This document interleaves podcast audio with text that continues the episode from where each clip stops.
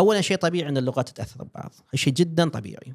لما أنت عندك ارث لغوي آه ثري مثل اللي موجود عند العرب عندك ال- الفصحى من ناحية ومن ناحية ثانية اللهجة العامية عندك مجال إنك تستوعب تأثيرات أجنبية في اللغة العامية. ما في مشكلة. يعني في كلمات أجنبية إحنا نقول جغرافيا مثلا جغرافيا كلمة يونانية. نقول جيولوجيا كلمة لاتينية. نقول رزنامه بعض الأحيان كلمة فارسية. يعني في فيها كلمات ما في مشكلة تتحمل. لكن لهجاتنا المحلية كونها لغات حية لهجات حية ندية تتغير تتكيف تقدر تستوعب التأثير الأجنبي. والتأثير الأجنبي لو تلاحظ مو عشوائي. متأثر بفترات معينة متأثر بمصطلحات معينة. يعني مو أي كلمة هندية أو فارسية أو إنجليزية خذيناها. لا متأثرة بالتجارب المحلية اللي صارت. يعني مثلا يدي يوم كان يقول بروح الفنري ال refinery اللي هو مصفاة ال- النفط لأن من سوى ال- ال- المصفاة؟ الإنجليز. شيء طبيعي انه بياخذون كلمة إنجليزية. نعرف كلمة مصفاة مو ما نعرفها موجودة لكن كلمة الفنري كلمة حية كانوا يستخدمونها الناس في حياتهم اليومية يتأثرون بها يوميا. في مجال إن إحنا ناخذ كلمات أجنبية خصوصا في لهجاتنا اليوم لكن في مع ذلك أنا أقول ك ك- يعني رأيي الخاص في فرق بين كذي وبين لا نص حكينا أو جزء كبير مني يصير إنجليزي. فرق كبير. يعني إذا كل ال كل ال مثلا نقول كل الخليج متفقين إنه يستخدم كلمة فنش بمعنى إنه هو انطرد أو انفصل. أوكي هاي لها ساب... هي موجودة كسابقة ثقافية. بس لأن أنا أتكلم وأغلب كلي... كلامي قاعد أستخدم مصطلحات إنجليزية هذه فيها جانب تصنع فيها جانب جهل متعمد ما قاعد أتعلم الكلمة الصحيحة. هذه شوي مختلف الموضوع. يعني ال- الظاهرتين تأثر. أنت عادي إنك تتأثر. أنت كفرد مثلا عادي تتأثر بشخصية شخص ثاني. مثلا تماشي واحد كصديق لو بتتاثر فيه. لكن فرق بين كذي وبين تقلد لا شخصيتك كامل تكون تقليد على شخص آخر. كذلك اللغات نفس الأسلوب. إحنا دخلنا الحين في عصر عموما العالم ككل وإحنا كمتحدثي اللغة العربيه العفوية اللغة العضوية وجودها مو كما كان في السابق. ليش؟ لأن أول كانت اللهجات معزولة. مثلا أنت في قرية معينة أو في مدينة معينة غالبا كنت نادرا تتعامل مع شخص خارج المدينة أو خارج القرية أو خارج القبيلة. فلذلك يعني اليوم كذي في في في قبائل عربية لها لهجات خاصة بها. معروفة القبائل دي ليش؟ لأن ما كان تقريبا ما في اندماج. الواحد يعيش أغلب حياته مع هال 100 نفر اللي يعرفهم نادرا يتعامل مع ناس آخرين. فلذلك اللهجات كانت اولا بسبب العزلة تطلع لهجات جديدة وثانيا اللهجة تحافظ يحافظ عليها هذه نفسها ما تتغير لأن كل واحد يتعلم من أبوه يتعلم من أمه. ما في تعليم ما في تعليم رسمي يعني زين؟ أغلب الناس أميين. اليوم صار بالعكس صار لازم إحنا بطريقة واعية نحافظ على لهجتنا. ليش؟ لأن صار التغيير أسرع من ما هو معتاد من ناحية تاريخية. يعني حتى كحياتنا شوف مثلا أنت يمكن يدك أو أبو يدك عاش مثل أجداده لمدة 400 500 سنة حياتهم ما تغيرت. يا يدك أو أبوك هني صار يعني صار نوع من حاجز كبير تغير كبير بس في هالجيل. لو تلاحظ يعني أو أي واحد مولود عقب الثلاثينات والأربعينات حياته تغيرت بصورة جذرية عن اللي قبله، دخل التعليم الحديث، دخل الإعلام، أول شيء بدينا بالراديو، راديو المذياع أو الإذاعة، بعدين دش التلفزيون، دش التعليم، الناس قامت تختلط، فبعدين صارت وتيرة التغير يمكن هاي المنطقة ما تغيرت يمكن 500 600 سنة، إنزين ما ما تحكي بس عن مناطقنا، اغلب أغلب مناطق العالم كذي. ومرة واحدة دشت وتيرة التغيير خلال جيل جيلين صار تغيير شاسع، فهاي طبعا أثر على اللغة، اللغة مو استثناء. هني صرنا شنو؟ صرنا نحس إن اللغة قاعدة تتغير، إلا أول الناس ما كانت تحس، تقريبا لغتهم نفس الشيء. مدة أجيال لهجتها يعني الل- اللهجة المحلية، الحين بد- بدينا نحس. فنشوف خلال جيل مثلا الناس قاموا يتجنبون كلمات ال- العامية مثلا على كلماتنا، يعني أنا لما نتكلم مع بناتي مثلا أتعمد استخدام اللهجة ال- الكلمات البحرينية الأصيلة، ليش؟ لأن أنا أصلا بعد كثير منها ما وصلت لي، وفي بعض ال- بعض يعني الدول الحمد لله محافظين على لهجتهم وعندهم اعتزاز فيها من إحنا البحرين نحب لهجتنا وايد، أنتم بعد في الكويت ما شاء الله تشوف وايد في يعني ارتباط باللهجة يعني معروفة التعابير الكويتية. من جاينا الحزة و... لا لهجتك ال- ال- الأصلية يعني مثل مثل اللبس اللي يناسبك. مثل بيتك عرفت شلون؟ مثل الناس اللي ترتاح وياهم. تعبر عن نفسك بها. في حالات الغضب صعب تستخدم لغة غير ما تشوف في وايد ناس مثلا سنين هو ساكن مثلا في الغرب يتحكي إنجليزي بس لين لين طنقره وزعل يقوم يرجع على لغته الأصلية. صح.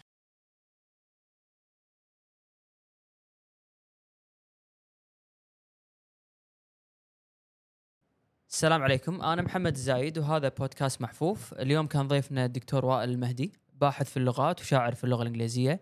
آه، حديث يمكن اليوم موجود في كل بيت في كل مجتمع عربي خليجي بالأخص بانه بدوا أبنائنا نوعا ما آه، يتخلون عن العربية ويتجهون للإنجليزية. فهذا النقاش شدنا بأن نستضيف الدكتور. ونعرف ليش قاعد يحصل معنا هذا الشيء. آه، كانت هذه بدايتنا. بعدين حبينا نعرف أكثر عن اللغة العربية. ليش اللغة العربية لغة مهمة؟ شنو السمات اللي تتميز فيها؟ ليش من الضروري علينا بأن نحافظ على اللغة العربية؟ أه تكلمنا عنها عن اللغة بشكل عام كسلاح ممكن تستعمله دولة ضد الأخرى. أه أتمنى تستمتعون بهذه الحلقة. أنت شنو يعني ثنائي اللغة. بس قاعد تحوشك هذه تشوفها صح اللي أطفال. يعني تصدق أمس أنا على طاري تو نسولف على ال- اللي رحت له أمس. يمي واحد طفل كويتي. عمره ثمان سنين. آه، ما كان فاهم. يعني قاعد أكلمه عربي أحاول أكلمه عربي. آه، ما كان فاهم.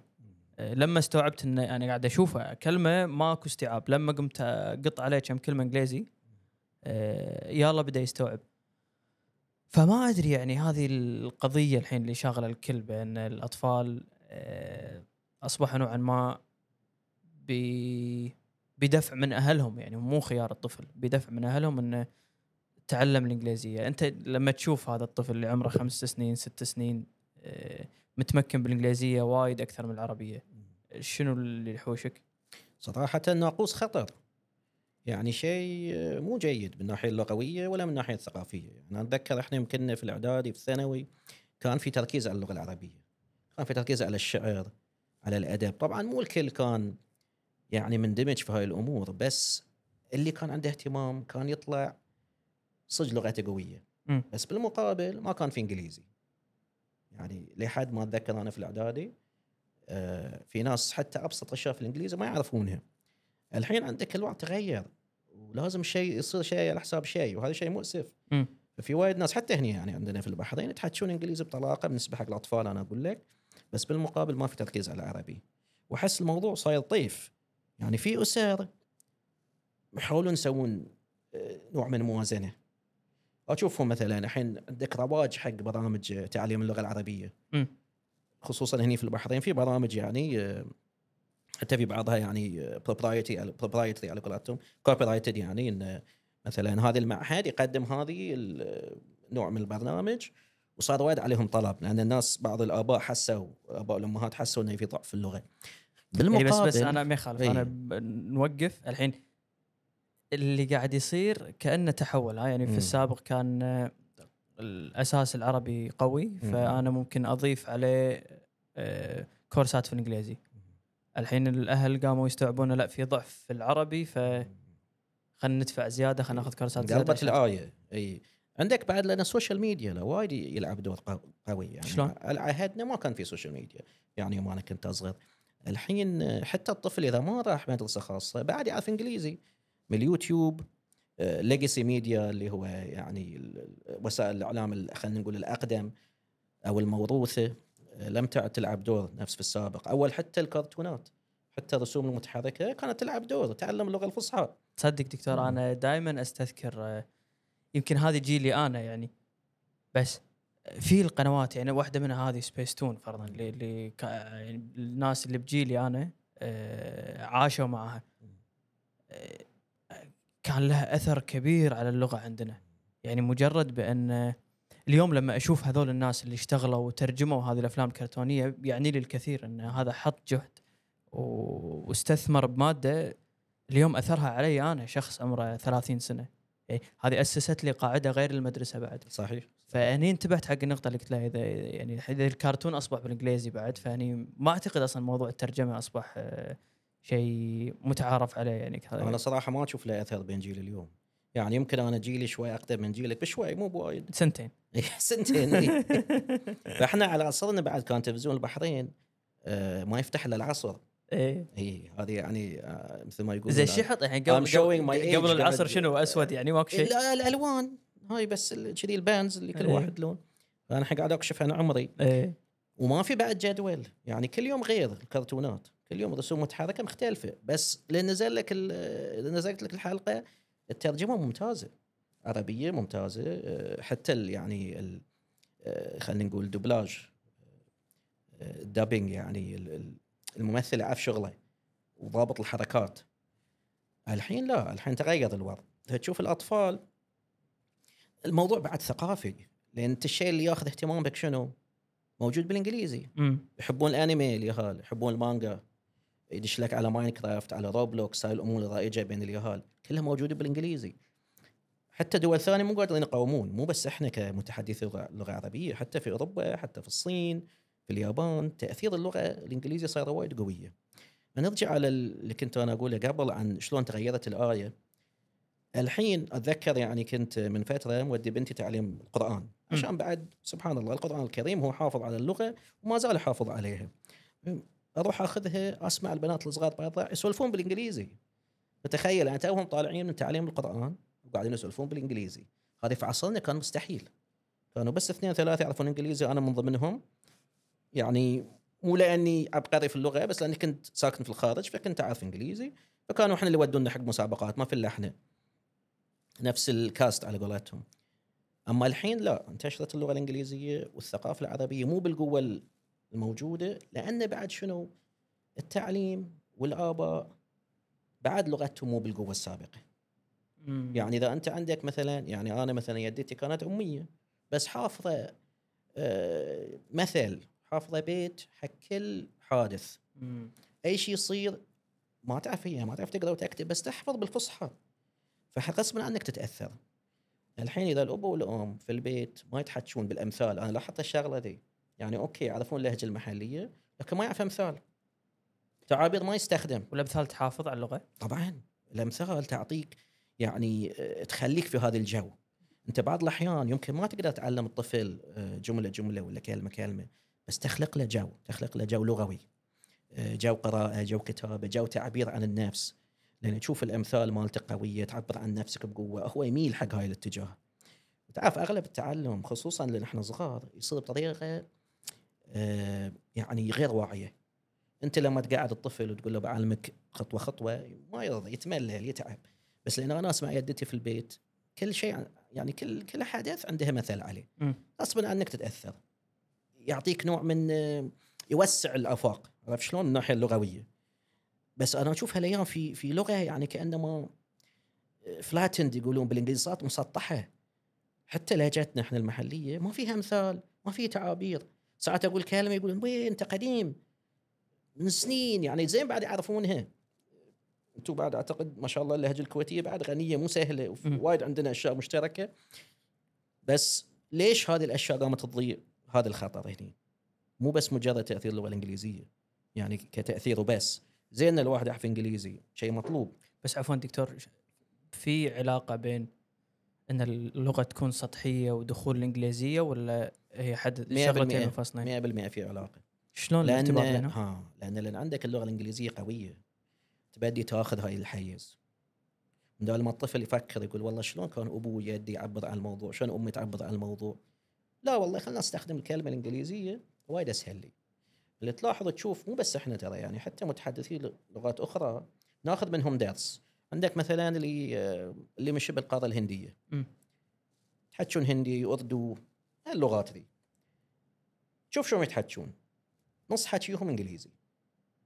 القواعد الأساسية يمكن هو يتحكى هندي.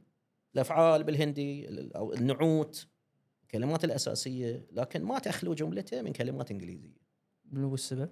السبب هو ضعف التعليم.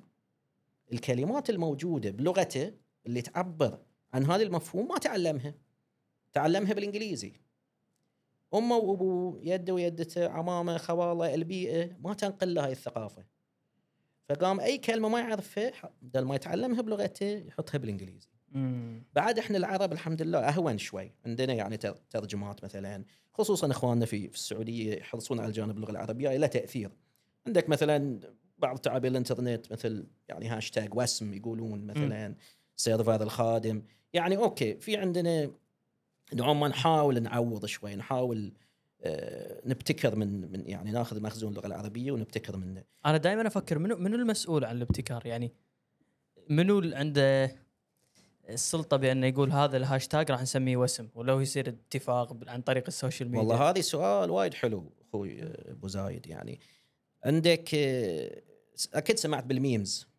شيء طبيعي يعني أنت من جيل ال- في الإنترنت ما في إيه. واحد مرة علي. ما مر عليه سالفة ال memes يعني. ال- ال- فكرة الميم اخترعها واحد عالم اسمه ريتشارد دوكنز. طبعا هي موجودة من قبل لكن هو اللي جسدها هو اللي كتبها في كتاب قال يا جماعة في شيء اسمه memes. الميم شنو هو؟ هو المقابل الفكري حق الجينات. الجين ينقل معلومات شنو؟ وراثية. مم. يحدد طولك شكلك اللون القدرات الذهنية هاي كلها موجودة في الجين. الميم هو وحدة فكرية وحدة ثقافية. وتشبه الجين من ناحية إنها تنقل المعلومات والأفكار من جيل إلى جيل. في ميمات قوية تنتقل وتنتشر بسهولة. في ميمات أضعف. طبعا هو ال internet culture ثقافة الإنترنت. خذت كلمه ميم ومحددتها وهي ظاهره مثلا رسمه وعليها كتابة لكن هي الميم معناها أشمل. قد تكون مثلا أغنية شعبية. مم. زين تو أمس كنت أسولف يعني مع بعض كبار السن.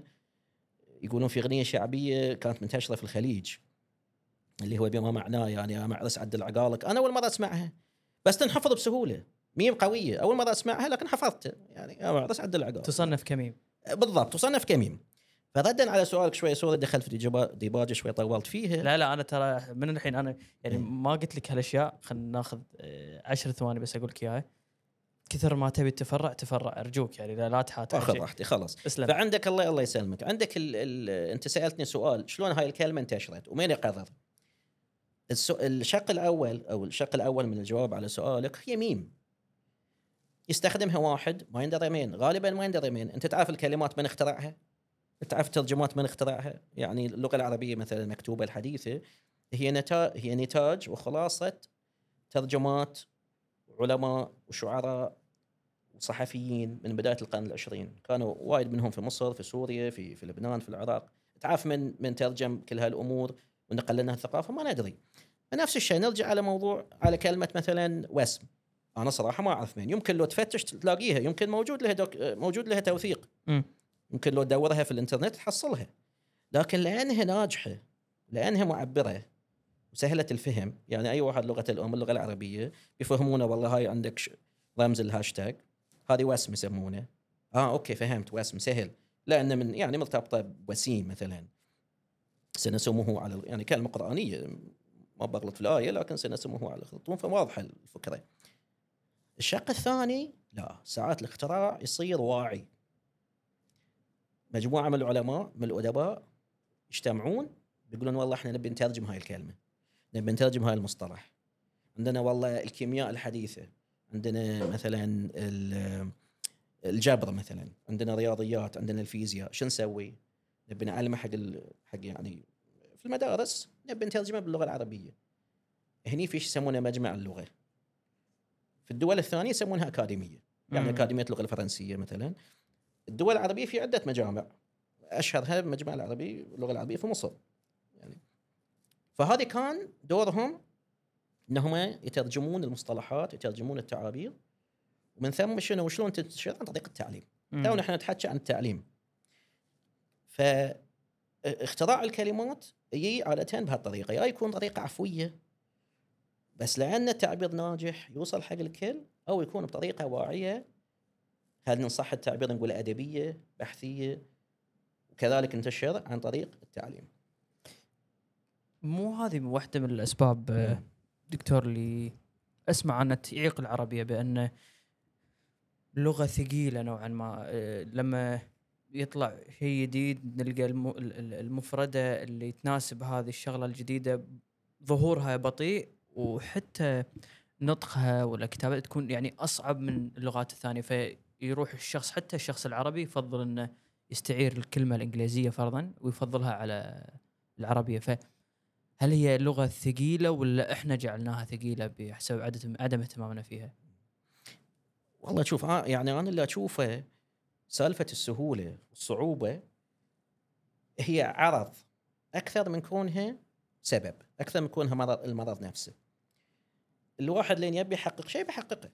سواء كان سهل ولا صعب واللغات ينطبق عليها نفس الشيء يعني هاي مو بس من كلامي هذا من تجارب العالم ككل. إحنا قاعدين نشوف الحين الموضوع ذي من يعني من جانب عالمي. في شعوب أخرى عندها تجارب نستفيد منهم. آه ما يصير ناخذ اللغة بمفهوم إن هي صعبة أو سهلة خصوصا إذا نبي نختار لغة رسمية. امم لغاتنا إحنا الدارجة العامية اللي نتعلمها في البيت نتعلمها من المجتمع ما يبي لها نقاش لأن الواحد يكتسبها وهو صغير ما يشعر أصلا. بطريقه غير واعية. شوف الطفل عمره ثلاث سنين أربع سنين يتكلم طلاقة. شلون؟ لأن تعلم بطريقه غير واعيه الذهن البشري سبحان الله مخلوق مصمم إنه يستوعب اللغة بسهولة لغة الأم. أما إذا تكلم عن اللغة الفصحى اللغة اللغة المكتوبة طبيعة اللغة المكتوبة واللغة الرسمية إنها ما تكون سهلة. جزء من جزء من من طبيعتها. ليش؟ لأن أنت تحتاج وعاء تحتاج وسيلة تعبر عن الأفكار الصعبة. مم. تعبر عن أفكار علمية أفكار فلسفية أفكار مثلا ناحية الشعر الأدب. فعشان أنت تخلق هذه الوسيلة اولا شخص واحد ما يقدر. تحتاج مئات أو آلاف ال- العلماء آه، على مدى ربما قرون. ثانيا لازم اللغة تكون هي قد هذه قد هذه الوسيله قد هذه المهمة. وعشان تكون قد هذه المهمة ما تكون بسيطة. مم. وكذلك لازم يكون له وجود ثقافي عضوي وشرعي في الثقافة نفسها. يعني إحنا كعرب كمتحدث اللغة العربية ما عندنا بديل ثقافي عضوي حق لغتنا إحنا العربية. بالمقابل إذا في مثال؟ مثلا إذا تبي نذكر أمثلة من ثقافات أخرى؟ اي مثلا في كثير من الدول الأفريقية كثير من الدول الأفريقية عندها اللغة الفرنسية اللغة الإنجليزية آه، لها فاعلية وعضوية أقوى من اللغات المحلية لأن ما كان عندهم لغة مكتوبة. هذا الارث مو موجود عندهم. مو كل الشعوب ترى محظوظين بحيث ان عندهم إرث لغوي قوي. كثير من الدول خصوصا الدول المحدثة نسبيا لما وصلها الاستعمار ما كان فيها لغة يعني مكتوبة أساسا. فانت آه. تشوف مثلا كل قارة افريقيا ما فيها إلا لغتين يمكن لهم تاريخ ثقافي قوي اللي هي السواحلية واللغة الإثيوبية. بسبب وجود كتابه بس بسبب كان السواحلية بسبب تأثير الإسلام تأثير العرب والإثيوبية لأن عندهم ثقافة يعني ملكية مسيحية قديمة من أيام حتى الرسول صلى الله عليه وسلم من زمان عندهم النجاشي ومكتوبة لغتهم يعني و- فما عندهم مشكلة في الموضوع أما هاي إفريقيا كلها على بعضها ما في لها اللغتين. إحنا كعرب عندنا هاي اللغة مؤسس لها. من قبل الفترة الإسلامية بعدين طبعا جاء القرآن ثبت هذه اللغة خلاها لغة قوية أثرت على مئات الشعوب مئات اللغات الأخرى. فيها كنز عظيم. وارث عظيم من الشعر من الثقافة. وما زالت موجودة ما زالت مئات مئات السنين على مدى القرون. وبعدين ما قصروا وكثر الله خيرهم. جاوا لك مجموعة من الأدباء من الصحفيين المترجمين حدثوا اللغة. سواها لغة قادرة على استيعاب حاجيات الشخص الحديث. تشرح لي اياها أكثر هذه؟ آه ممتاز. مثل ما قلنا من قبل اللغة الرسمية المكتوبة اللي نحتاجها لتعبر عن أفكارنا المعقدة مو لغة عضوية. ولا لغة عفوية. مو مثل لغتنا الأم اللي نتحكاها بعفوية لا. هي لغة آه خلينا نقول مو مصطنعة بالمعنى الصحيح لأن كلمة مصطنع يمكن ما تعبر عن الموضوع وإنما ممكن نقول مشذبة. آه ممكن نقول آه يعني مصممة مم. لهذه الحاجة لهذا الغرض. فلما جاءوا العلماء والفلاسفة خصوصا في فتره صدر الإسلام كانوا دخلوا على الإسلام كثير من غير العرب. فطلع لك آه، نحويين. من ضمنهم نحويين أصولهم عربية مثل الفراهيدي وغيره. ومن ضمنهم نحويين أصولهم فارسية مثل عندك سيبويه وخلقوا بالإنجليزي يقال ستاندرد إحنا نقول بالعربي معيار خلقوا لغة معيارية. رجعوا حق لغة القرآن رجعوا حق كلام البادية حق الشعر. قالوا شنو نقدر نستنبط من آه، قواعد؟ عشان هذه اللغة آه، ناحية تكون معيارية. شنو يعني معيارية؟ يعني الكل يتفق على معيارها. من ال... عندك مثلا من البحرين لنواكشوط هي نفس اللغة ما تتغير. هني جزئية عفوا بس جزئية الإعراب تلعب دور؟ نعم. الإعراب هو جزء من الصفات والسمات اللي خلقت اللغة العربية المكتوبة رسميه في طبعا فصحى العصر هاي لغتنا حاليا اللي إحنا نتحكى اسمها فصحى العصر. فصحى شنو دكتور؟ فصحى العصر. عصرنا إحنا. يعني ليست فصحى قبل 300 سنة. يعني هذا كان يعني كان دائما سؤال ببالي الحين الفصحى اللي نعرفها اليوم هي الفصحى نفسها بالجاهليه ممتاز. إحنا أنا قاعد أجاوب على السؤال في في طور الجواب مثل ما إيه. يقولون. إيه. بس الحمد لله عندنا الوقت فورمه القالب الطويل عشان شوي عندنا تشانس إن نشرح. إيه خذ راحتك إيه. خذ راحتك. إنزين. فصار عندنا لغة عربية للشنو للعصور الوسطى للعصور الإسلامية أو خلينا نقول العصر الذهبي الإسلامي. يعني الكل اتفق عليها. من تركستان الشرقية مدن مثل كاشغر وطرفان ورمشي وصولا إلى وين؟ إلى إسبانيا. إلى الأندلس نفس اللغة. متفقين عليها الكل. يتحدثونها ولا؟ قد يتحدثونها قد يكتبونها بس كلنا متفقين إن هي شنو هذه اللغة العربية الفص- الفصيحة. واحد يكتب مثلا آه، رسالة في مجريط اللي هي الاسم القديم حق مدريد اسم العربي القديم شو اسمها؟ مدريد. مجريط؟ مجريط. مجري مجريط إي نعم. أحلى من مدريد. وايد أحلى. تحس فيها العروبة. الرساله توصل للصين؟ مفهومة. كلها طريق مفهومة. إذا ما فهموها الأوادم العاديين ودوها حق الإمام المسجد فهمها لأنه لازم يعرف عربي. زين إحنا وصلنا حق القرن العشرين. صارت تغيرات. الغرب صعد. دخلت تكنولوجيا حديثة. دخلت كمثال مثلا القطارات الراديو تليجرام البرقيات. فاحنا شلون ناخذ هذه اللغة اللي مالت العصور الوسطى؟ نخليها تناسب حاجياتنا اليوم. هذه حاجة قاهرة حاجة لا يعني مو مجرد شيء آه، خلينا نقول رفاهية.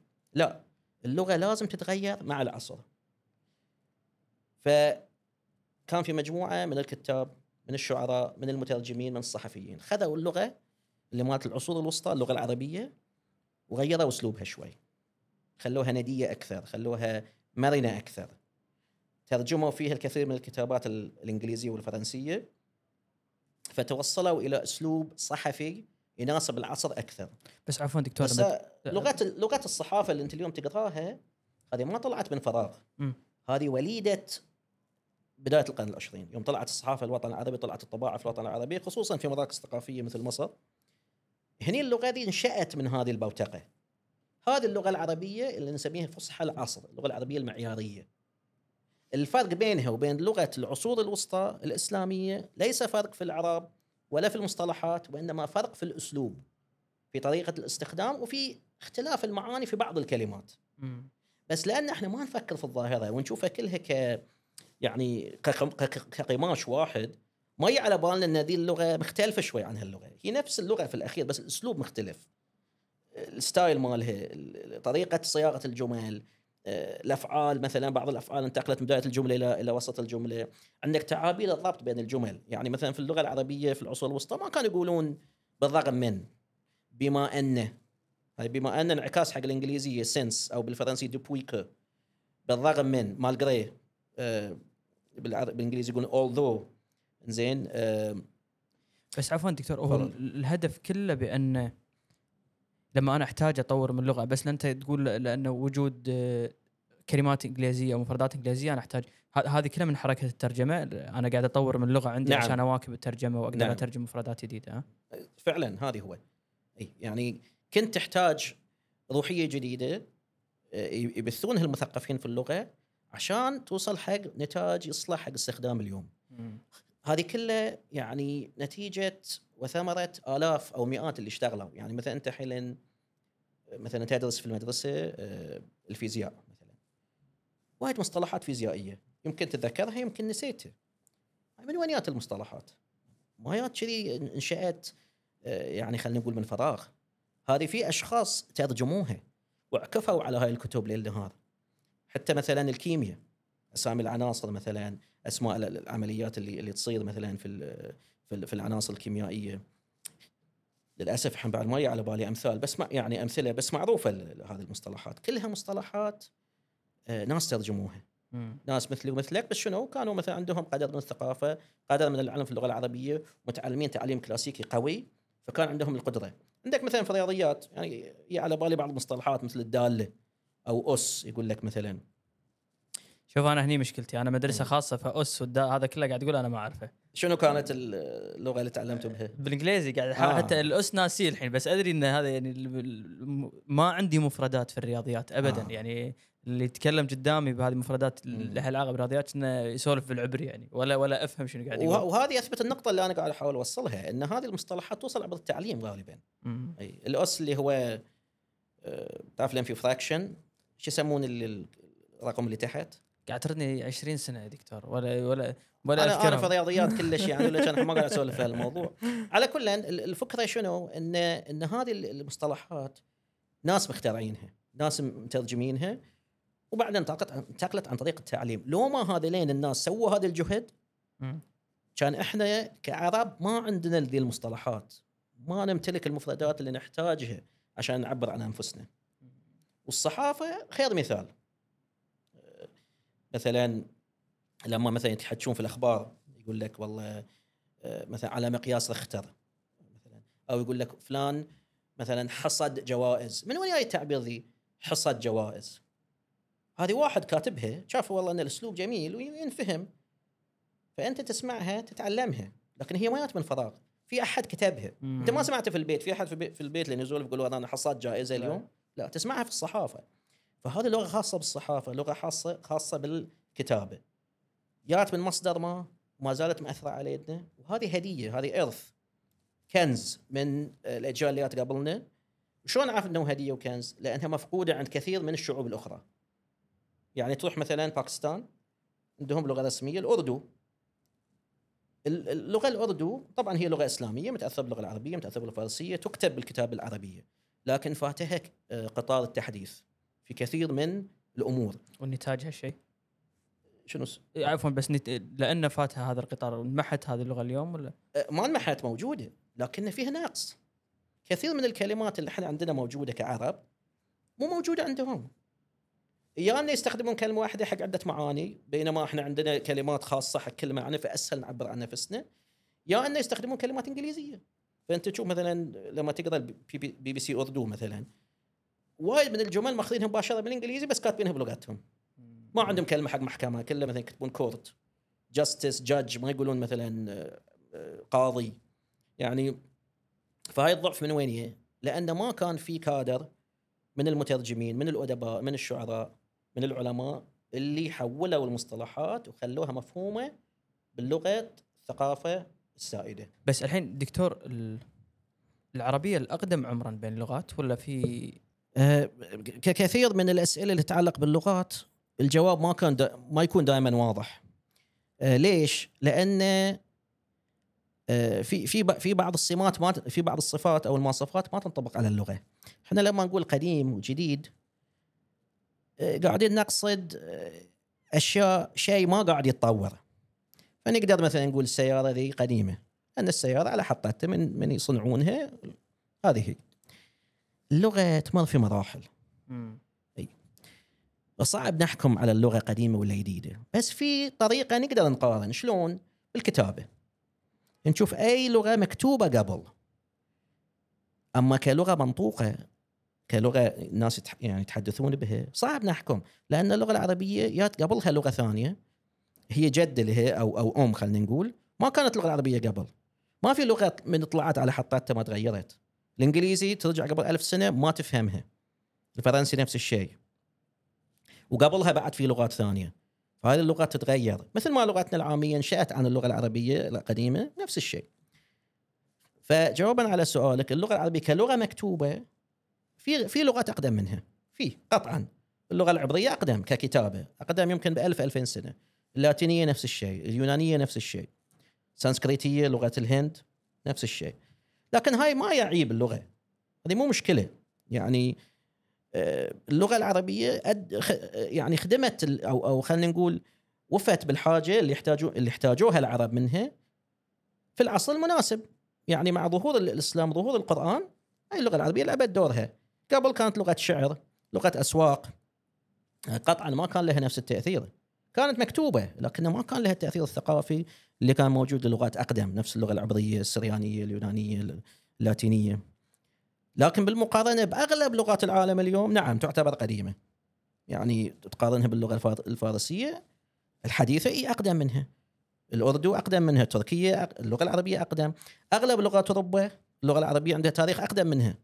يعني حتى اللغة الإنجليزية الفرنسية الإسبانية اللغة العربية مكتوبة قبل. وما تغيرت بعد الكثر. هذه من من 1400 سنة تقريبا نفس الشيء. أنا لك إحنا عن شنو؟ اللغة المكتوبة مو اللغة العامية. اللغة. العامية موضوع مختلف. آه، عندك لغات بعد وايد حديثة مثل مثلا لغة ماليزيا توها كاتبينها يمكن من 70 سنة. بس. إي موجودة قبل كلغة حديث. نعم. كلغة نطق موجودة. ما يعني ما طلعت شيء من البيضة. أكيد موجودة قبل. بس كلغة مكتوبة. كلغة أدبية كلغة صحافية علمية سياسية توها طالعة مو من زمان. لغة رومانيا مثلا. بلد اسمه رومانيا عاصمتها بوكارست طلعت في بداية القرن العشرين. تقرا قبل ما يعني تقريبا ما في شيء تقراه في اللغة قبل القرن العشرين. الحين إحنا مثلا كعرب أقرأ أنا مثلا أنا تعلمت في, ال- في الأعدادي تعلمت المعلقات. ولأني كنت حدي nerd. امم شو يقولون nerd بالعربي بعد؟ ما ادري على كل. حطوا بعدين subtitle شوف ترجمة. زين. حفظت يعني كم من واحدة من المعلقات يعني مثل معلقة امرئ القيس. آه، والذبياني. فهاي شيء عجيب. شيء تقريبا معجز إنك تقرأ شيء مكتوب قبل 14 قرن وتفهمه. صح. صدق هو صعب لكن تقدر تفهمه. مو لغة أجنبية.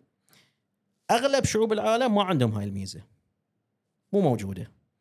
مو لأن يعني لغات لغاتهم سيئة أو أو أو فيها نقص لكن هاي الشيء مو متوفر عندهم. مثل مثلا واحد والله مولود في بيت خير يعني في مثلا قدرة مالية غير واحد مثلا مولود. سبحان الله يعني هاي أقدار فهي اللغات نفس الشيء. اللغة العربية آه، موجودة بقوة من زمان. وهاي يمكن بعد رد على السؤال اللي انت قلته ان هل اللغة العربية صعبة. هاي بعد نحن ندش في موضوع ثاني. إن كان في اقتراحات بداية القرن العشرين وما زالت موجودة هالاقتراحات. إن اللغة العربية صعبة خلينا نبسطها. خلينا نكتبها بالكتابة اللاتينية. حروف اللاتينية هي نفس يعني حروف الإنجليزي هاي المقصود. لما نقول لاتيني لأن اللغة اللاتينية أول لغة استخدمت هاي الحروف ال A B C D هاي يعني اللغة اللاتينية هي أول حروف أول لغة استخدمت هاي الحروف وهالظاهره يعني الحين قاعد أذكرها أنا. كان الناس تدخل. أرقام آه، مع الأحرف الإنجليزية هذه يعني شوي غير لقيت رواج لفترة معينة صحيح هذه شوي آه، خلينا نقول غير رسمية يعني براغماتي غير رسمي إيه. بس يعني هاي مثل ما أنت قلت صارت فترة وإحنا الناس أسهل قام. يعني أنا أول ما طلع ال Messenger بعض الأحيان ما كان في keyboard صح صح عربي. صح صح. بس مو دي المشكلة. المشكلة لا في ناس يبون رسميا. يبون يسوون والله أكاديمية. نفس ما قلنا في أكاديميات لا هي اللي اللي, ممكن إنها تدير اللغات. هاي في لبنان كان في اقتراح من هالنوع. مثلا في واحد اسمه آه، إتيان صقر. الاقتراح أعتقد كان في وسط القرن العشرين. قال خلينا نطلع ابجديه ونكتب بهاللهجة اللبنانية ونعتبرها لغة. وهاي تصير لغة رسمية. عوضا عن شنو؟ اللغة العربية الفصحى المكتوبة. المشكلة ان الواحد ما يستفيد من التاريخ وما يتعلم منه ولين يعتقد إن هذا الموضوع يعني موضوع اللغات مثلا ما يحتاج دراسة ما يحتاج تأني ما يحتاج حس تاريخي. يتوقع إنه لأنه يتكلم اللغة فهو يفهم فيها. الحين كل واحد عنده قلب كل واحد عنده دم كل واحد عنده معدة لكن هل الناس يفهمون في القلب وفي المعدة والدم؟ لا تحتاج أطباء. اللغة نفس الشيء مو بس أنك تتحكي اللغة وتتكلمها يعني أنت خبير فيها. ليش أنا أعترض على هالأفكار؟ اولا آه مين أنت عشان تقرر إن هاي اللغة بتنكتب بحرف بحروف أخرى؟ يعني هل أنت مثل تمثل الدولة كلها؟ تمثل الشعب اللي يتحدث اللي يتحدث هاي اللغة؟ قطعا لا. رقم اثنين أنت لين- لين شلت هاي الحروف حطيت حروف جديدة. أصلا تعرف تختار الحروف الصحيحة ولا ما تعرف؟ مو بأي واحد يعرف يختار حروف. كازاخستان توهم مغيرين كتاباتهم مسوينها باللاتيني كان بال- بالسيريلي قبل باللغة الروسية الكتابة الروسية. والنتيجة جدا سيئة. جماليا ما ما يتشاهد. الكتابة ما تنقرأ. يعني ال- الناس اللي مهتمين في اللغات يعرفون هالسوالف تستغرب. أنت يمكن أول ما تكتشف ان في subculture في ثقافة فرعية في هالامور بس هاي الأمور بعد فيها جانب جمالي فيها جانب تقني بأي واحد يقدر يغير لغة يقول أنا بشيلها بحطها في بس شنو عفوا إيه. شنو المعيار حتى لو شخصيا بالنسبة لك شلون في تشوف في معايير؟ يعني هو شوف المعيار جزء منه مو موضوعي جزء منه يعني خلينا نقول جمالي آه، ذوقي لكن نفس تقريبا المعايير تنطبق على الشعر نفس المعايير تنطبق على الموسيقى آه، شبيه بها نفس. المعايير تنطبق مثلا ليش نقول والله آه، الإنتاج الفني المعين في التلفزيون مثلا هاي المسلسل المعين أو هاي الاوبريتا ليش جميل؟ ليش هاي المسرحية مثلا فعال آه، مؤثرة خلينا نقول. نفس المعايير. يعني هي مو رياضيات الموضوع. مو فيزياء. لكن مثلا أنا الحين لين بكتب مثلا اللغة مثلا اللغة الكازاخية بكتبها باللغة اللاتي. بالحروف اللاتينية. أحط مثلا حرف ينلفظ بطريقتين. هاي مشكلة. أحط حرف مو موجود في ال keyboard. يعني تعال ابتكر keyboard جديد. أو بالعكس أجمع حرفين أو ثلاثة حروف يا بعض عشان يصير لهم لفظ واحد. أنا قاعد أحاول أقرب الصورة. فاهم عليك. أو آه مثلا حروف العلة. خلينا نقول عندي مثلا خمسة حروف علة. أنا أستخدم مثلا بس ثلاثة حروف. الباقيين شلون زين أعبر عنهم؟ كذلك ما أستفيد من اللغات اللي غيري. اللغة التركيه مثلا غيرت كتابتها من 1920 1928 بالأحرى. التغيير كان ناجح إلى حد كبير. ناجح عمليا وليس ناجح ثقافيا موضوع مختلف. آه، ليش ما استفيد من التجارب القبليه؟ لا. أنا بروحي بخترع شيء من عندي من مخي ما حد شافه من قبل مم. وبعتقد ان هاي الاختراع آه، بينفع. وقد بعد شنو؟ أستفيد من التجارب السيئة. مثلا اللغة الأوزبكية كتبوها باللغة اللاتي بالحروف اللاتينية. النتيجة مو جيدة كلش. فيها مش فوضى في الحروف العلة وال- وفيها عدم وضوح فأنا أتجنب هاي الأخطاء.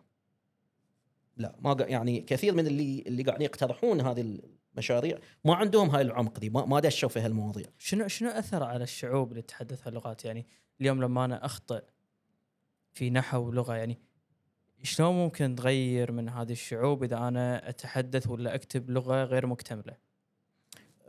يعني فيه فيه مشاكل وايد. طبعا هاي نرجع على نفس موضوع عن تغيير اللي يبون مثلا يأخذون اللهجة اللبنانية ويغيرونها. إذا المشروع مو صحيح يسوي ضعف ثقافي وهي الضعف ما يروح بسهولة. مو بسهولة تتخلص منه. آه، اولا الناس ما صار عندهم شعور بأصول الكلمات من وين جاية. آه، إذا الناس ما ما- ما تميز بين الأصوات بعدين تفقدها. فإذا فقدتها بعدين يصير في ارباك الكلمات كلها تندمج في بعض تختلط في بعض. عقب خمسين سنة الناس ما يفهموش مكتوب. مو. عقب ألف سنة. أنت حاليا تروح تركيا. تقرا لهم مثلا آه، ناس بالعثماني تركيا العثمانية. إحنا نقدر نقراها لأن نعرف عربي نقرأ عربي. يا شخص تركي حديث ما يفهمش مكتوب. برغم إن هي مو من زمان كلش من 100 سنة بس. الحين دكتور ما حد بتركيا يفهم اللغة العثمانية تقريبا صح؟ آه، في ناس متخصصين يعني يعني بس أقصد كعامة لا لا الشعب لا, لا. عامة الشعب لا. ما عندهم وقت. وين تت- تتعلمها بجديد؟ جديده يعني عفوا أنا شخص يدي أو أبو جدي كاتب له كتاب أو كاتب له شغلة أنا اليوم غير قادر على قراءتها. انمحت الثقافه كامل. قبل 1928 تقريبا ما في أحد في تركيا يعرف مكتوب. قالوا قالوا يعني اتاتورك قال إنه okay إحنا بنسوي أكاديمية وبنغير ال- ال- الكتاب. يعني بناخذ كل مثلا الأرث الثقافي والش- والش- والشعري وبنحوله من الكتاب العربي للكتاب اللاتينية. طبعا وين أنت؟ يعني مشروع ضخم ويبي له تمويل. وين بتسويه والبك إن ذاك الوقت توهم طالعين من الحرب الأهلية. ويعني توهم اللي هو يعني لملموا وفاه الدولة العثمانية وأسسوا تركيا. فوين هال؟ يعني المشروع ما استوى الحين. فعشان نرجع على اللغة العربية فإذا أنت غيرت الحروف بتفقد امتداد ثقافي ويعني تربة ثقافية خصبه تمتد 14 قرن. فأنت ليش تحرم اللبناني أو أي أي واحد من أي دولة عربية ثانية؟ من يقول له والله. باخذ لهجتك بكتبها بالكتابة اللاتينية. يعني ثقافتك بترجع 10 سنين 20 سنة؟ كل اللي بنيته كل اللي بنيته راح. ليش؟ هذا رقم واحد. رقم اثنين التشخيص غلط. هم يقولون إذا غيرنا الحروف غيرنا اللغة الناس بيصيرون يتعلمون أحسن أسرع. آه، الناس بيكونوا مستقبلين حق الثقافة. مو هذه المشكلة.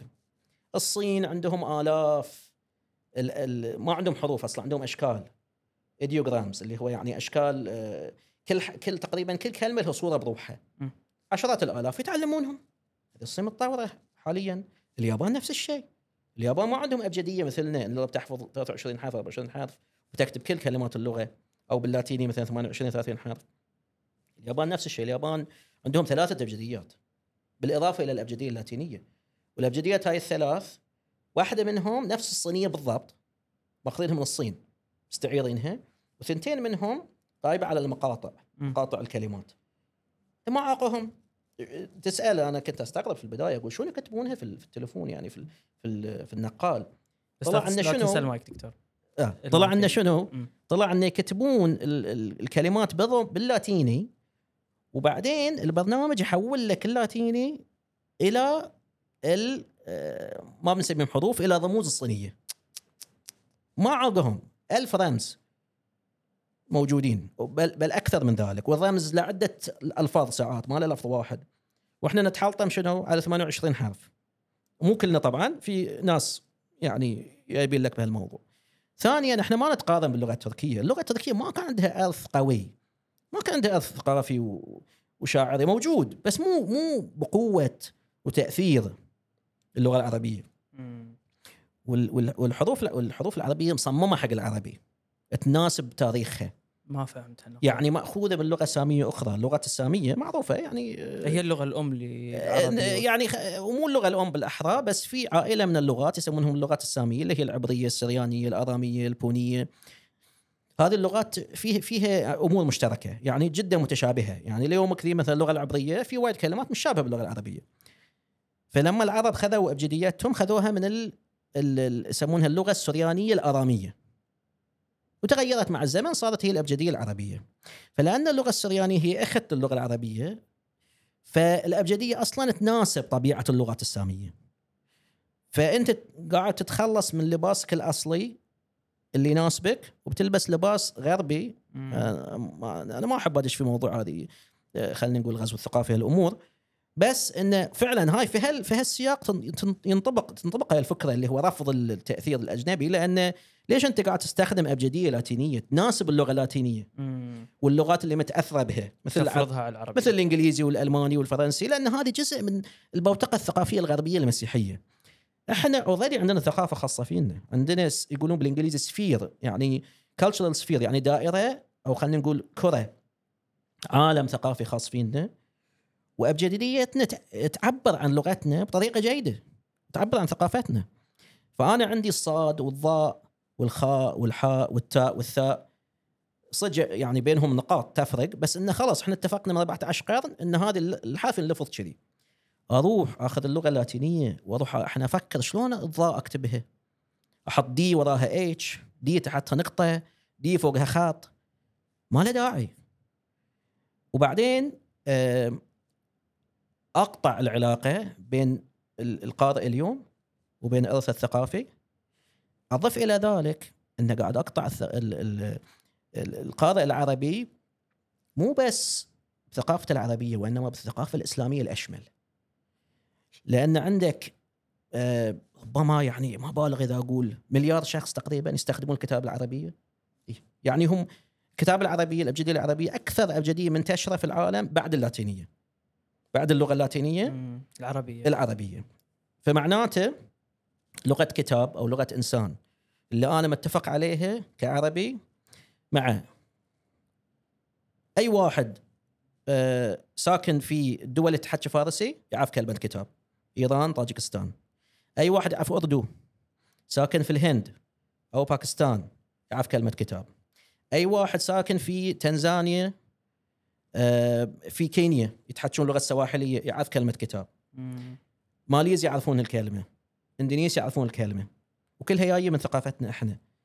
فأنت ليش قاعد تستهتر بهذه بهذا الإرث الثقافي؟ صدق طبعا إحنا يعني في العصر الحديث صعب تقارن روحك بالغرب من ناحية التطور التكنولوجي مثلا. لكن أنت بعد كذلك عندك بعض الأمور ال- الإيجابية وعندك بعض ال- الأمور اللي كانت يعني آه، ميزة كبيرة من الناحية الثقافية من الناحية الحضارية. فهي ما يصير كلها تهملها لأن اللي ما له أول ما له تالي مثل ما يقولون. كذلك شنو؟ آه، يعني هذه آه، هذا نوع من ال- الأبجدية بعد تعطيك استمرارية. تعطيك استمرارية. تخليك كما يقال بالإنجليزي امبيدد شنو يعني امبيدد يعني إنك مندمج في الثقافة. مم. تخليك داخل الثقافة محمي بها. فاحنا بدينا حديثنا بفقدان اللغة العربية وسيطره اللغة الإنجليزية. لما الواحد ما يكون جزء من الثقافة آه، ما يكون مندمج فيها زين؟ ما يحس إنه آه، خلينا نقول عنده مصلحة في الثقافة. يعني إذا خسرها في مشكلة. والمشكلة هذه بس. المشكلة أنت لما ت... يعني البشر كما يقولون يعني المسيحيين يقولون لن يعيش ال- الإنسان بالخبز فقط. البشر مو قايمين فقط على الأمور المادية مو بس على الأكل والشرب واللبس وال... وال... وال... والمال. الثقافة تلعب دور. الثقافه وكل الحضارة كانوا يعرفون هالشيء واليوم كده يعرفونه. ليش كانوا مثلا ال- العرب والمسلمين يترجمون الكتابات السريانية والكتابات اليونانية ونقلون هاي الثقافة والعلم للغة العربية؟ ليش كان في أكاديميات مثل دار الحكمة وغيرها في بغداد وفي دمشق كانت تنقل الثقافة اليونانية؟ واللاتينيه اللغة العربية وحافظت حافظت على الثقافة ومن ثم انتقلت للغرب. ليش؟ لأن كانوا يعون إن الثقافة فيها قوة. الثقافة تشكل عقليات الناس، تشكل قيمهم والقيم تشكل السلوك. فأنت لما تبي تخلق آه، مجتمع متصالح مع نفسه، مجتمع عنده هوية قوية. اللغة تلعب دور كبير في هالشيء. وهذا الدرس اللي إحنا كثير منه يعني الحمد لله مو الكل لكن في بعضنا قاعد ينسى هاي الدرس اليوم وعوه ثقافات أخرى. يعني لما انتشر ال- خلينا نقول الوعي الوطني زين اللي هو آه، مثل ما معروف يعني الفكرة هاي طلعت من من, أوروبا اللي هو الوعي الوطني تأسست على أساس الدول الحديثة وتقريبا اخترع في فرنسا هاي الوعي إن كل دولة لها لغتها الخاصة ديانتها الخاصة وثقافتها الخاصة ولها سيادة. the nation state يقولون بالإنجليزي اللي هو الدولة الوطنية. بدوا باللغة يعني المجر كانت مندمجه مع ممل في مملكة مع النمسا. قالوا لا إحنا بنطلع دولة بروحنا اللغة المجرية مميزة مختلفة عن كل لغات أوروبا. أول خطوة سووها قووا اللغة المجرية. شلون تقوي اللغة؟ قووها انقلوها من لغة آه لغة فلاحين لغة ريفية. قالوا تعالوا يا مثقفين تعالوا يا علماء تعالوا يا شعراء. كتبوا. أول شيء ترجموا لأن تبدي بالترجمة لازم تقلد أول. أول شيء تقلد. مو شيء غلط. التقليد مو شيء غلط. إحنا دائما نقول لا ما يصير نقلد على الثقافات لا في أشياء لازم تقلد عليها عشان تتطور. أول شيء ترج... أول شيء ترجموا خل من الثقافة الأقوى؟ قالوا اللغة الثقافة الفرنسية والألمانية أقوى من الثقافة المجرية. خلينا نترجم من عندهم. ترجموا. بعدين قاموا يكتبون أصلي. بعدين قاموا يخترعون الكلمات الحديثة اللي تحتاجها الدولة الحديثة عشان تمشي أمورها. وسووها شنو؟ كلها باللغة المجرية. وسووا ستاندردايزيشن سووا عملية إنه يعني خلوا الأبجدية معيارية. قالوا والله أي واحد بيكتب مجري لازم يستخدم هاي الحروف وعلى كيفه. بس هم ليش؟ هم ما كان عندهم كتابة. مو مثلنا عندنا. هم ما عندهم. فيحتاجون يخترعون لهم كتابه إحنا اوريدي أجدادنا اخترعوا وخلصوا. وليش إحنا نروح نبتكر ال- مثل ما يقولون نبتكر العجلة من جديد؟ ما له داعي. هاي كمثال يعني. بس أنا كنت توني أستوعب حركة الترجمة شلون لها دور في مم. تطور اللغة. يعني ما كنت أدري عن هالشيء من أول. بدون الترجمة بدون التقليد على الثقافة الأخرى صعب إن اللغة يطلع لها طلعة. صعب تكون قوية. يمكن الناس يتكلمونها في البيت. يمكن الناس يتكلمونها بشكل غير رسمي لكن عشان تكون لغة رسمية وظاهرة بتروح اليوم مثلا المجر تقريبا ما عندهم لهجات. كلهم يتحكون نفس اللغة. ليش؟ لأن الدولة عبر مدارس فرضوا نفس اللغة عليهم كلهم. مم. ومن السهل جدا إنك تحصل آه، مثلا آه، قواميس. تحصل آه، كتب مثلا قواعد اللغة المجريه ليش؟ لأنها يعني جدا معيارية إلى حد كبير. أشكال صنيعة دولة حديثة. خذوها طلعوها من فضاء العفوية. وخلوها في فضاء شنو؟ الأكاديمية الحديثة. آه، بينما مثلا تروح شبه جزيرة الهند شبه قارة الهند شبه القارة الهندية تشوف لغة يتحكونها مئات الملايين أو عشرات الملايين ما لها قاموس ليش؟ لأن كلها عفوية مم. وبالتالي بعد اللغة الإنجليزية تدش فيها كتاب تضيع الناس ما يعرفون يكتبون مثلا أردو ما يعرف يكتب عربي بس يعني يتحكى أردو ما يعرف يكتبها وهذا الشيء كله يذكرني بقصة آه، يعني ثقافتنا خلينا نقول العربية الإسلامية اللغوية ال- العام الحمد لله توفقنا رحنا الحج. أنا رحت الحج فكنا نشوف يعني الحجاج المسلمين جميع انحاء العالم يعني خلينا نقول مشهد حضاري يعني متروبولاني مثل ما يقولون جدا جذاب وجميل يعني. وكلهم مجتمعين على هذا الهدف الروحي. فصادفت حاج أوزبكي. أحاول أتفاهم وياه ما في أي لغة مشتركة بيننا ما يعرف عربي أنا ما أعرف روسي أو ما يعني خلفيتهم روسية لا. وما أعرف إلا كلمات بسيطة باللغة الأوزبكية يعني. فقلت له يعني قلت الحين شو أقول؟ يعني اللي على بالي شنو؟ أوزبكستان يخشى يخشى يعني زين يخشى مو بسب يعني زين. جود يعني. قلت له أوزبكستان يخشى ولا يسوي لي تشكر. يعني إنسان ما بيني مع ما في أي يعني عناصر مشتركة بيني وبينه في الحياة اليومية. يعيش عني آلاف الكيلومترات بس شنو؟ أجدادنا العرب يوم أسسوا الإسلام وانبثقوا في المسرح العالمي وانبثقوا على مسرح التاريخ ال- ال- البشري انشروا كلماتهم. فمنها كلمة تشكر؟ يعني شكرا. مم. هذه الجذر شكره موجود في القرآن موجود قبل الإسلام وموجود عندنا اليوم الحين اليوم كثير نستخدمه وصل اوزبكستان فإنسان أنا ما لي علاقة فيه لكن شنو؟ هاي بيننا هالكلمات والكلمة المشتركة. هذه البسيطة الوحدة تعمل الكثير يعني تقربك إيه، من. أكثر من أي شخص ثاني. صحيح صحيح. ما له داعي تستخدم يعني تعطي إنشاء تعطي آه، شعر طويل يعني بس قصيدة. الكلمة كافية صح؟ بس الكلمة كافية. فيعني هذه ارث آه، للأسف ال... إحنا ما اعطيناه حق حقه بما يكفي يعني. بس دكتور ال- العربية الفصحى كتابيا موجودة يعني أنا مرة ما أدري من سمعت شخص حسافه المفروض إني كاتب اسمه أو شغله بس يقول إن اللغة العربية حديثا ماتت. لأن اليوم انت يقول كان يتكلم عن معيار بأن اللغة متى تموت ومتى تكون موجودة. يقول متى ما ما وجد أي مجتمع يتكلم آه، لغة معينة فهذه اللغة تحت يعني تحسب بأنها لغة ماتت. اليوم قد لا تجد أي مكان مجتمع بعفوية يتكلم اللغة العربية الفصحى. فهل هي ما زالت حية ولا كتابيا بس حية؟ هذه يعني الموضوع مثل ما قلت لك الثقافة اللغوية فيها كثير من المغالطات وهذا الموضوع فيه مغالطة كبرى. ما حد كان يتكلم اللغة الفصحى اللي إحنا نستخدمها اللغة المعيارية المكتوبة. ما في أحد في التاريخ تحدث به. هي من اساسها لغه مكتوبة. يعني إحنا نتخيل حسب المسلسلات أو حسب الدبلجة مثلا إن في ناس كانوا مثل ما يحطون مسلسلات لابسين عما- عمايم ملونة وماذا تريد يا أخي؟ وماذا تريد يا أو أيها الواغد أو شيء من هالنوع. ما حد كان يتكلم بهالأسلوب. القبائل العربية قبل الإسلام كانوا يتكلمون لهجات عربية قديمة جدا شبيهة باللغة العربية الفصحى ولكن ليست مطابقة لها. اللغة العربية الفصحى أساسا من اساسها لغة كتابة. يعني فما في أحد كان يتكلمها كلغة الأم. حتى من كتب المعلقات ما كان يتحدث بنفسه. لا لا. ال- ال- المعلقات مكتوبة. بلغة شع... لغة شعرية لغة شعر وأدب مو لغة حديث يومي. لا ابدا. كانت لغة شعر وأدب متداولة عند العرب. صحيح إن العرب كانوا ثقافتهم بدوية وكانوا متنقلين يعني كان في بعض المدن لكن غالبيتهم كانوا بدو. لكن وصلتهم الكتابة. الكتابة موجودة. صحيح انه ما كان في نقاط ما كان في مثلا تنوين ما كان في همزة لكن الكتابة موجودة. هذا دخل متأخر بعد دكتور صح؟ دخل نسبيا متأخر إي. يعني حتى. أو يعني بداية كتابة القرآن أعتقد ما كان في نقاط صح؟ حسب حسب اللي فهمته نعم ما كان في يعني حركات ما كان في علامات ترقيم.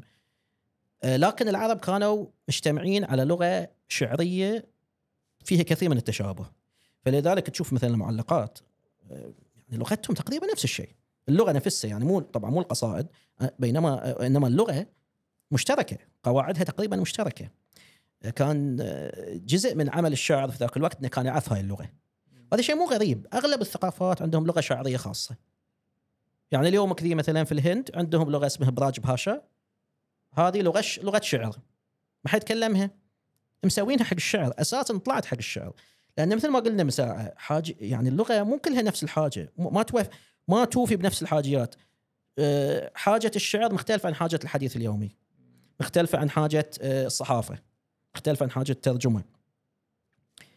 فقطعا اللغة ال- الفصحى الموجودة عندنا اليوم ما كانت تتحدث أصلا من الأساس. في بعض التجارب ان واحد يعلم ولده أو بنته يتعلمون في البيت أنا ضد هالفكرة لأن شوي تعزل الطفل يعني وطلعه من من يعني خلينا نقول البوتقه الثقافية ال- ال- الدارجة يعني ال- ال- العامية يعني. صعب ان تكون مثلا أنت من البحرين ما تحكي بحريني صعب شوي أو من الكويت ما تحكي كويتي. لازم تكون مندمج في الثقافة وتعرف الناس شو تقول عدل؟ مثل ما يقولون أول يعني ال- ال- الشياب إنه واحد يوقف عند الباب يقول, يقول, يقول حق الشايب اللي داخل يقول له قول تام قبل لا ادش زين. يعني هي مو بس كلمة هي ثقافة بعد. صح. ليش يقول تام؟ لأن يبي يعرس فلان على فلانة يعني. ف...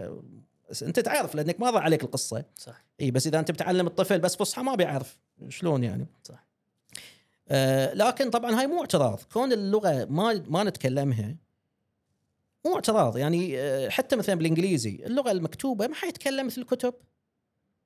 أغلب اللغات كذي. يعني إحنا نتخيل إن اللغة الإنجليزية هي نفسها سواء كنت شفتها في فيلم مكتوبة في كتاب الناس شلون تتحكاها في ال- في الشارع. لا مو نفس الشيء. بس مو نفس الفرق اللي موجود في اللغة العربية دكتور. طبعا أكيد صح. الفرق وايد أقل. لكن الفكرة شنو؟ إن شيء طبيعي إن الكتابة إن اللغة المكتوبة تختلف عن اللغة اللي اللي إحنا نتحدث. وبعدين already إحنا طرقنا إن الصعب إنك أنت أصلا يعني إحنا كعرب صعب إن إحنا آه نقضي على هاي ال bond نقضي على هذه ال- ال- ال- المسافة بين اللغة المكتوبة واللغة آه المتحدثة. اولا صعب إن إحنا يعني إن ندمجهم وثانيا ما له داعي ندمجهم أساسا وثالثا مو شرط نحن نستفيد. يعني أنت عندك ساعات أداتين وكل واحدة تؤدي آه، آه، يعني ت- تؤدي دورها بصورة فعالة. فليش تبي تدمجهم؟ أنت اوريدي الأداتين موجودين. فتخيل أنت بتدش في هذه الدوامة من الأساس أو بتاخذ اللهجة العامية بتسويها لغة مثلا آه، حديث بتسويها لغة مثلا رسمية. أول شيء بتقطع الأوادم عن العرب الثانيين. صح. هاي رقم واحد هاي اللي بتسوي. رقم اثنين بتقطعهم عن ثقافتهم. رقم ثلاثة كم سنة بتاخذ عشان إن اللغة تكون يعني لازم تنشئها. أنت already عندك شيء موجود already جاهز. ليش تسوي من أول؟ فيعني أنا ما أتفق ويا هذه ال- ال- الأفكار إن اللغة العربية ضع- ضعفت وبتموت وأمور من هالنوع ولازم تكون إن هي لغة مكتوبة ما حد يتكلمها فهي اوريدي ماتت. هذا كلام غير صحيح. في لغات تمت مئات السنين يعني إحنا على الأقل نقدر نتكلم يعني بالفصحى نقدر نلفظها. صح. في الأخبار يقولون يتكلمونها مثلا رجال الدين يستخدمونها الشعراء يستخدمونها. اللغة اللاتينية تمت ألف سنة تستخدم بدون لا حد يتكلمها. كانت لغة رسمية لجميع دول أوروبا. مجرد شنو؟ لأنها كانت لغة المسيحية. ما حد كان يتكلم لاتيني كانت ميتة. حرفيا ما حد يتكلمها. لكن تمت لغة رسمية. لأن في ذاك الوقت كانوا يقدرون.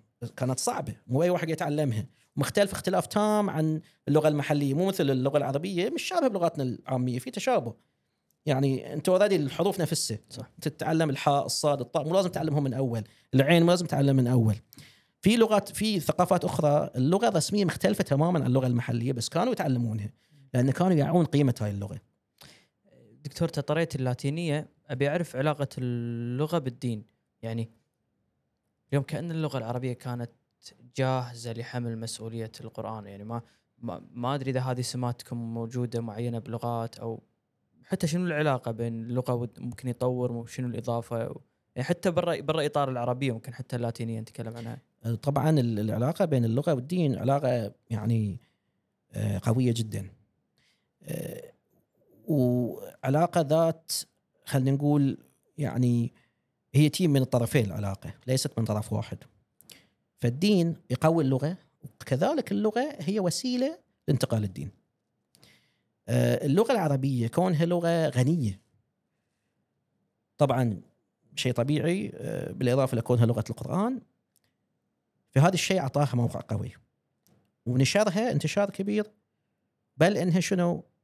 يعني القرآن حافظ على اللغة الكلاسيكية اللي هي تفرعت عنها لغتنا المعيارية اليوم.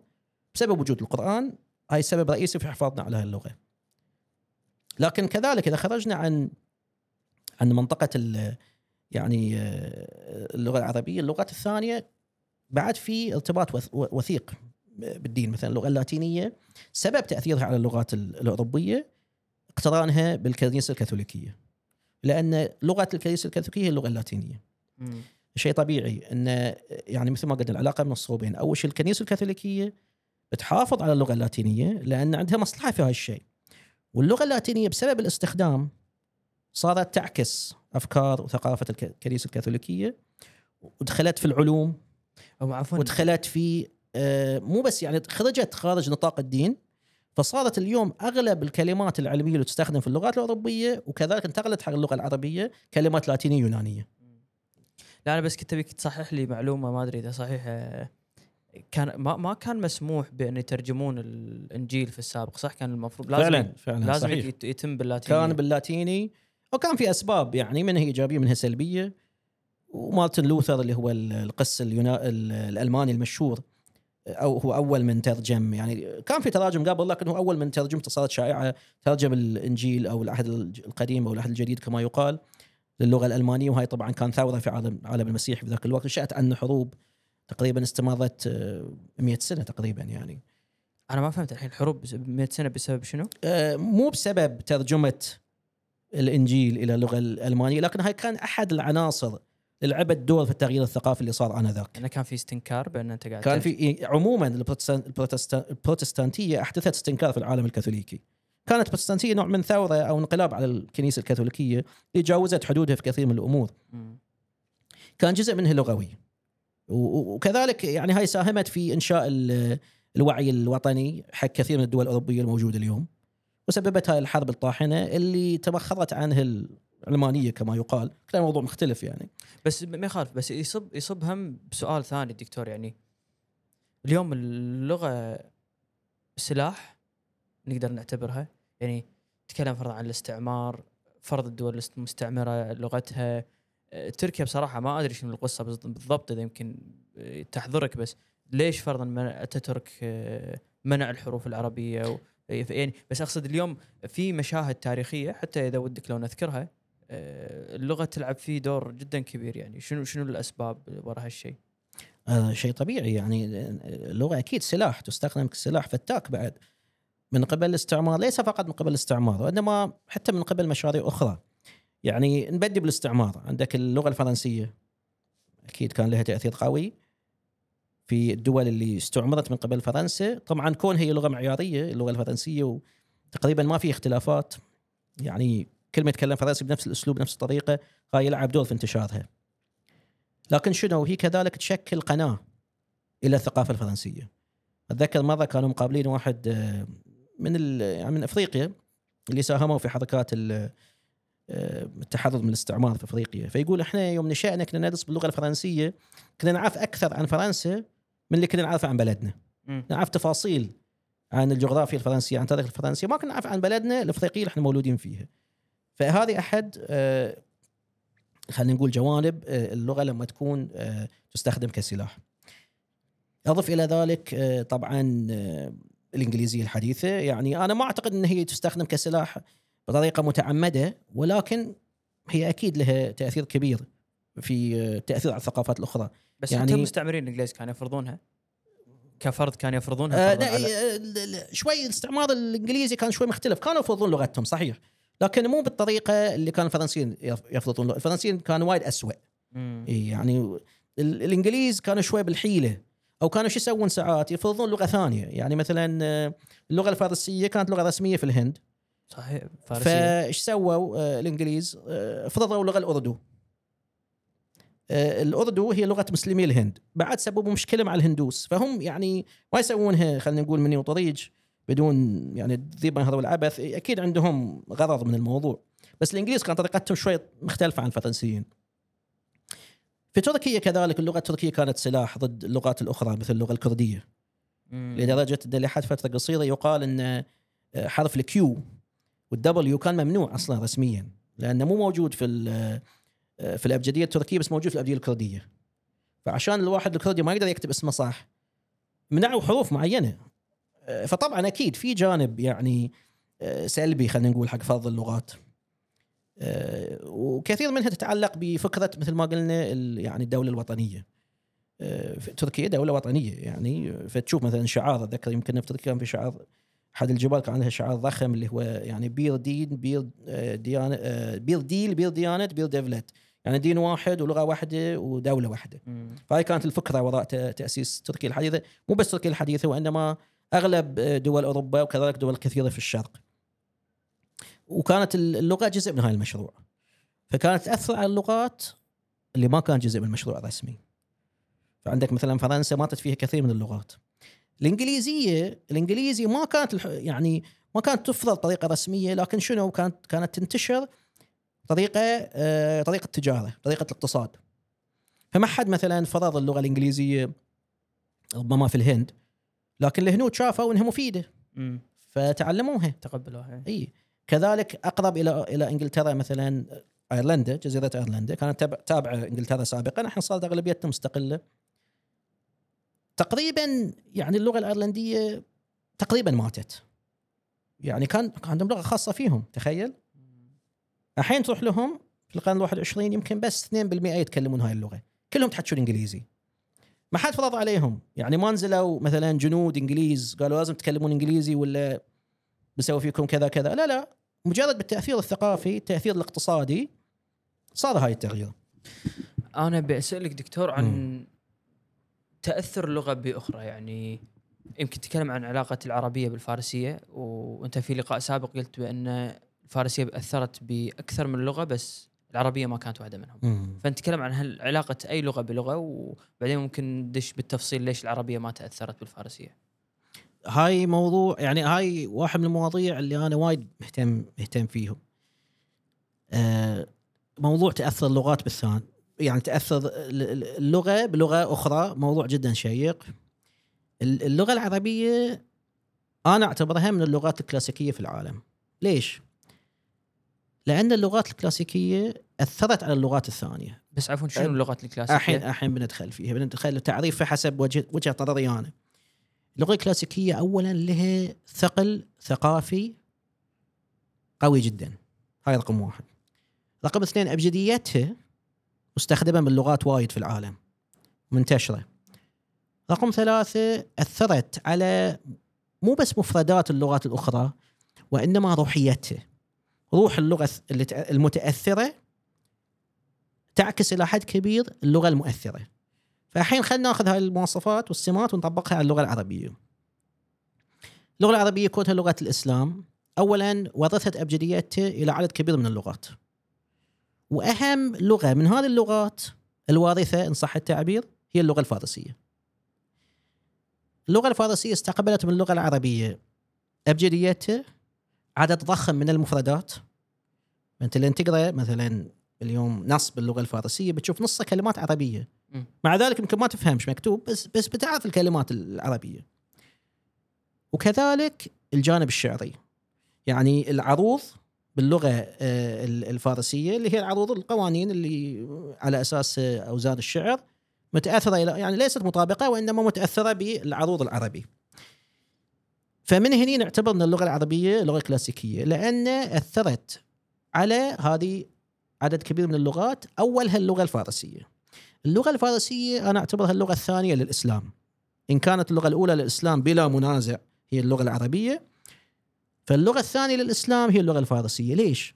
لأنها انشرت الفكر الإسلامي والتأثير العربي تأثير اللغة العربية إلى عشرات إن لم نقل مئات اللغات الأخرى. شنو هاي اللغات الأخرى؟ كل اللغات التركية ليست فقط تركية إسطنبول وإنما تركية آه، وسط آسيا ككل. يعني الكازاخية الأوزبكستية الأوزبك الأوزبكستانية الأوزبكية التركمانية الأيغورية في الصين. كل هاي اللغات متأثرة تأثير الأذربيجانية تأثير كبير باللغة الفارسية. لغات الهند. مم. تقريبا ما في لغة في الهند ما ما حاشها وما صادها التأثير الفارسي. منها آه، مثلا الأردوية الأردية المعروفة الهندية الأفلام الهندية. من وين جاي الكلمات العربية؟ في وايد في كلمات عربية لو تلاحظ. آه، كلها تأثيرها عن طريق الفارسية مو بالعربي مباشرة. هاي نقطة جدا مهمة. مرت بالفارسية قبل بعدين بالضبط. بالضبط. مرت في الفارسيه قبل ومن ثم انتقلت لكثير من لغات الهند. في لغات متأثرة مباشرة من اللغة العربية بدون الوساطة الفارسية ألا وهي مثلا السواحلية في إفريقيا مباشرة متأثرة باللغة العربية عن طريق عمان واليمن. كذلك آه، ماليزيا واندونيسيا اللغة الماليزية أو المالية سم- تسمى لغة المالي متأثرة باللغة العربية بصورة مباشرة عن طريق التجار العرب آه، في تلك في تلك الدول. وطبعا الإسبانية الحديثة فيها تأثير عربي قليل يعني صغير نسبيا لكن موجود. وكذلك مباشرة بطريقة مباشرة عن طريق العرب اللي كانوا موجودين آه، في في الأندلس. آه، اللغات الكلاسيكية محدودة في العالم معدودة على الأصابع منها اللغة اللاتينية واليونانية والعربية والصينية القديمة والسنسكريتيه في الهند. اللي يجمع بينها شنو؟ تأثيرها الثقافي الضخم ونشرها للأبجدية وانتشار مفرداتها. في مفردات مثل ما قلنا قد مليار شخص يفهمها، مليار 100 مليون آه 100 مليون لا 1000 مليون مم. 1000 مليون منها كلمة كتاب كلمة إنسان؟ نفس الكلمة تقولها من آه، مثلا المغرب وصولا إلى ماليزيا بتنفهم. فهذه مما يجعل اللغة العربية لغة كلاسيكية. سبب عدم تأثرها بالفارسية مقارنة باللغة؟ لأن الت- يعني التأثير الثقافي عادة يكون من جهة واحدة. إيه. آه، وكذلك يعني ظهور العرب في المسرح العالمي آنذاك. مع دين جديد وقوة عسكرية أكيد خلى الكفة في صالح اللغة العربية. طبعا هل في تأثير فارسي في اللغة العربية؟ نعم موجود. لكنه لا يقارن لا كما ولا تأثيرا بالتأثير العربي في اللغة الفارسية. لا يوجد مقارنة البتة. يعني باللغة مثلا اللغة العربية اللي ما قبل الإسلام في كلمات فارسية لكن كانت أولا قليلة وثانيا دائما تخص خلينا نقول ظواهر ما كانت موجودة عند العرب. مثلا كلمة الخندق يعني خندق حفرة. إلى هم كذي بالفارسي يقولون كندان يعني يحفر. نفس الكلمة. ما كان عند العرب خندق فاستعاروها استعاروا هذا الكلمة. من ال- من آه، يعني من فارس. ومع مجيء الإسلام كان في بعض الكلمات اللي انتقلت عن طريق اللغة عن طريق تأثير ال- يعني الثقافه الفارسيه لأنه صار نوع من اندماج يعني للعرب والفرس مثلا آه، في مناطق مثل العراق. وبغداد وال- والمدائن وما إلى ذلك. بس نرجع ونقول الكلمات كانت محدودة آه، بمفاهيم معينة. مفاهيم ربما ما كانت موجودة عند العرب. فأخذوها من آه، اللغة الفارسية. لكن آه، ممكن إنك تكتب يمكن كتاب كامل باللغة العربية بدون استخدام أي كلمة أجنبية. ممكن. ممكن تتحدث يعني ساعات بدون لا تستخدم أي كلمة أجنبية. على الأقل يعني أنت يعني نع- ن- كلمة أجنبية يعني ربما ربما هي في كلمات أجنبية بس أنت ما تعي يعني ما تعي بوجودها لكن تقدر تتجنب الكلمات الفارسية. بينما اللي يتحدث فارسي صعب جدا يتجنب الكلمات العربية. وفي حركة هاي الحركات الن- الن- النقاء أنا أشك فيها.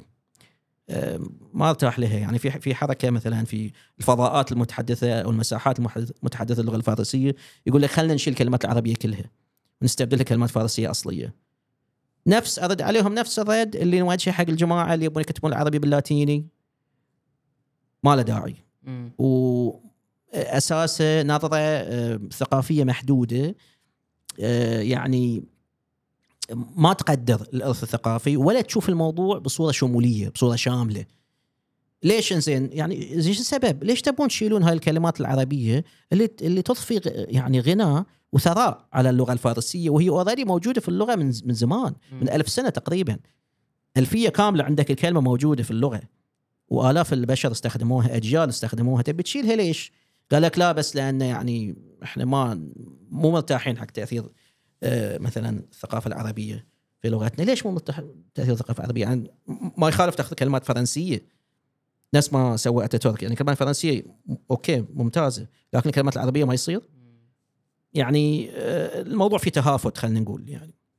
أنا برجع حق الفصحى والعامية دكتور اليوم إحنا نتكلم إن آه، ما عمره ما كان في لغة عربية فصحى.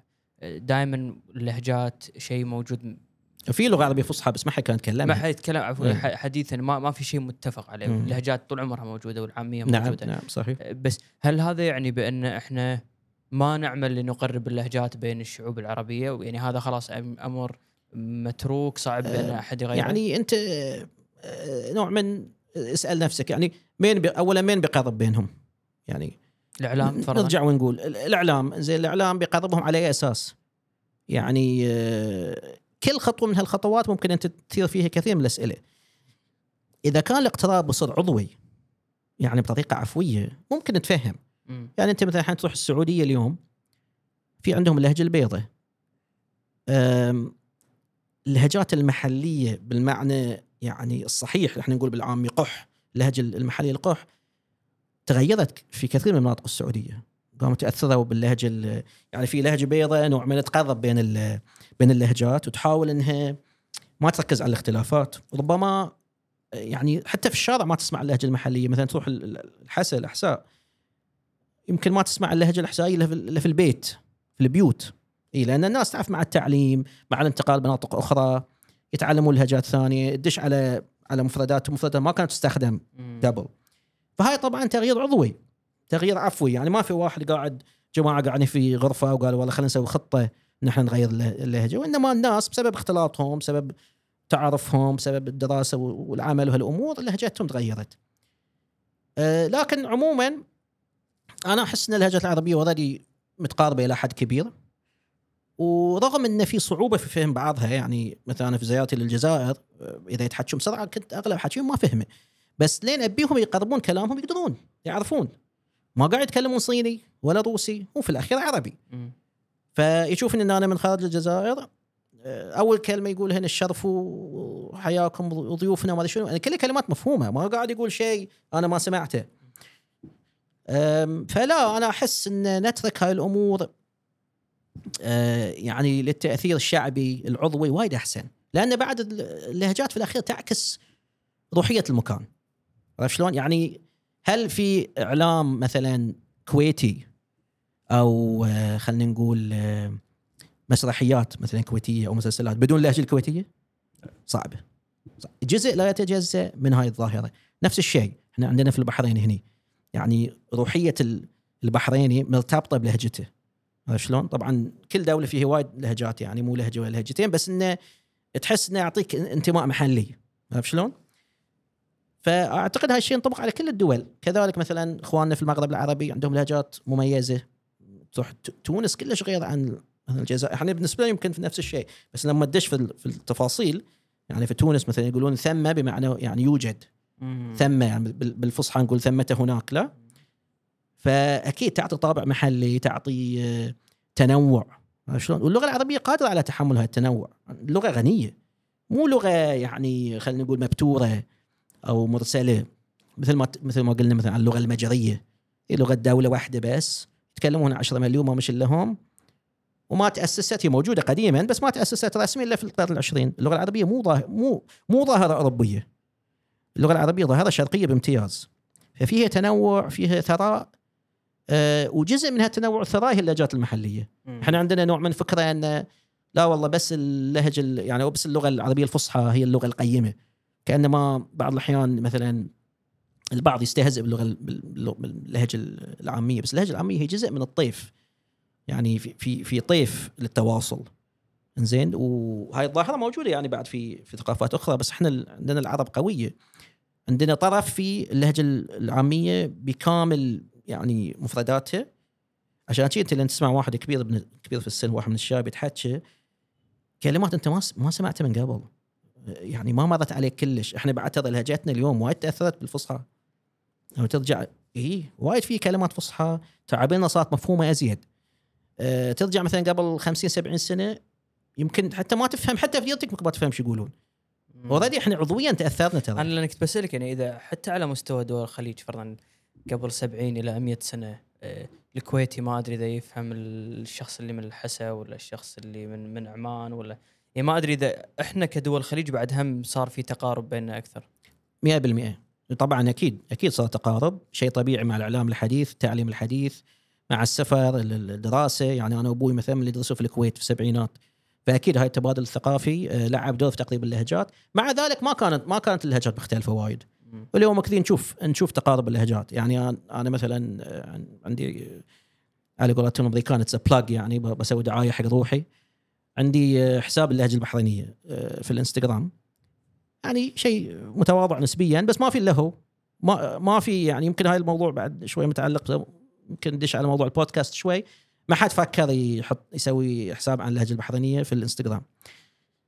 آه، في حساب عن اللهجة الكويتية يعني. هي العراقية في الم- المغرب المناطق. بس البحريني ما في حسب علمي ما في إلا أنا اللي عندي. وايد من المتابعين مو بحرينيين.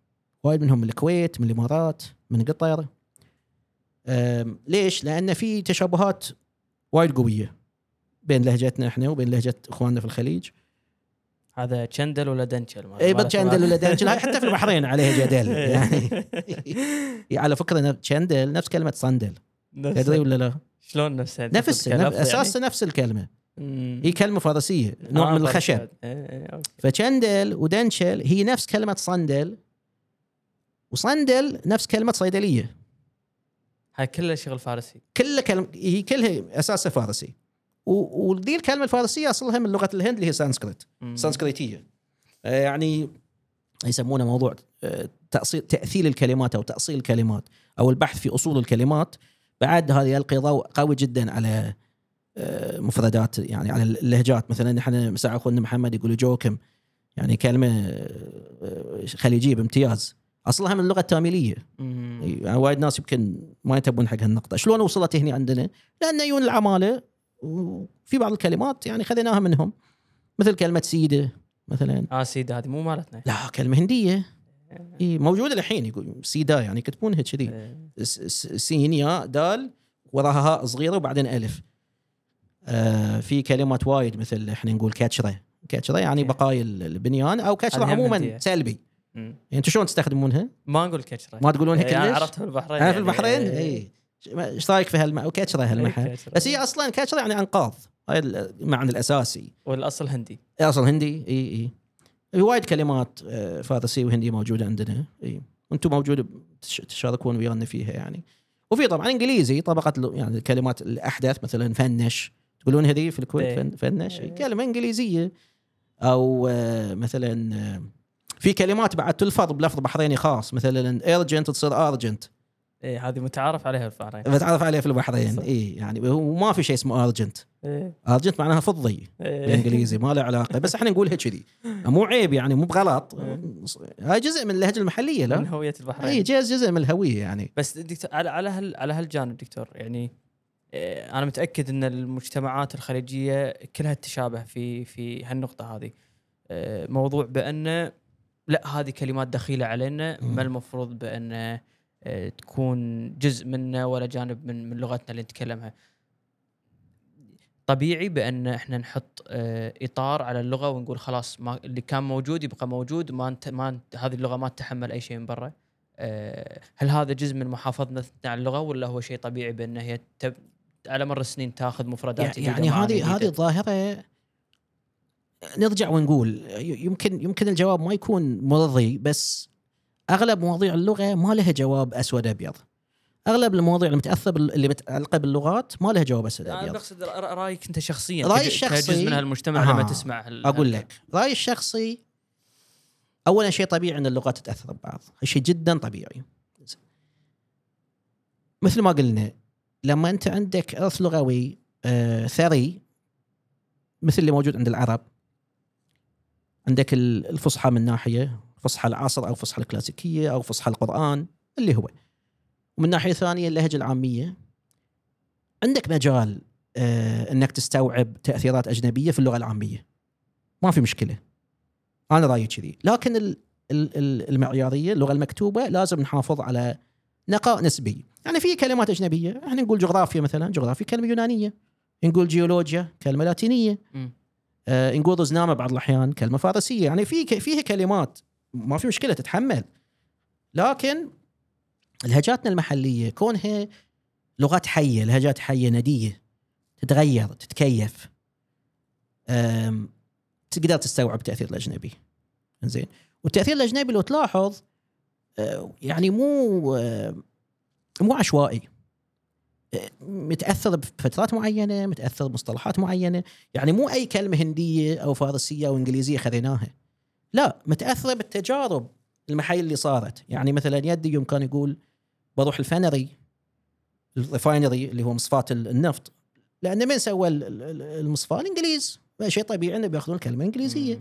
أنا أعرف كلمة مصفاة مو ما نعرفها موجودة. لكن كلمة الفنري كلمه حيه كانوا يستخدمونها الناس في حياتهم اليومية يتأثرون بها يوميا. ففي مجال إن إحنا ناخذ كلمات أجنبية خصوصا في لهجاتنا اليوم. لكن في مع ذلك أنا أقول ك يعني رأيي الخاص في فرق بين كذي وبين لا نص حكينا أو جزء كبير مني يصير إنجليزي. فرق كبير. يعني إذا كل ال كل ال مثلا نقول كل الخليج متفقين إنه يستخدم كلمة فنش بمعنى إنه هو انطرد أو انفصل. أوكي هاي لها. هي موجودة كسابقة ثقافية. بس لأن أنا أتكلم وأغلب. كلامي قاعد استخدم مصطلحات إنجليزية هذه فيها جانب تصنع فيها جانب جهل متعمد ما قاعد أتعلم الكلمة الصحيحة هذه شوي مختلف الموضوع. يعني ال- الظاهرتين تأثر أنت عادي إنك تتأثر. أنت كفرد مثلا عادي تتأثر بشخصية شخص ثاني. مثلا تماشي واحد كصديق لو بتتأثر فيه. لكن فرق بين كذي وبين تقلد لا شخصيتك كاملة تكون تقليد على شخص آخر. كذلك اللغات نفس الأسلوب.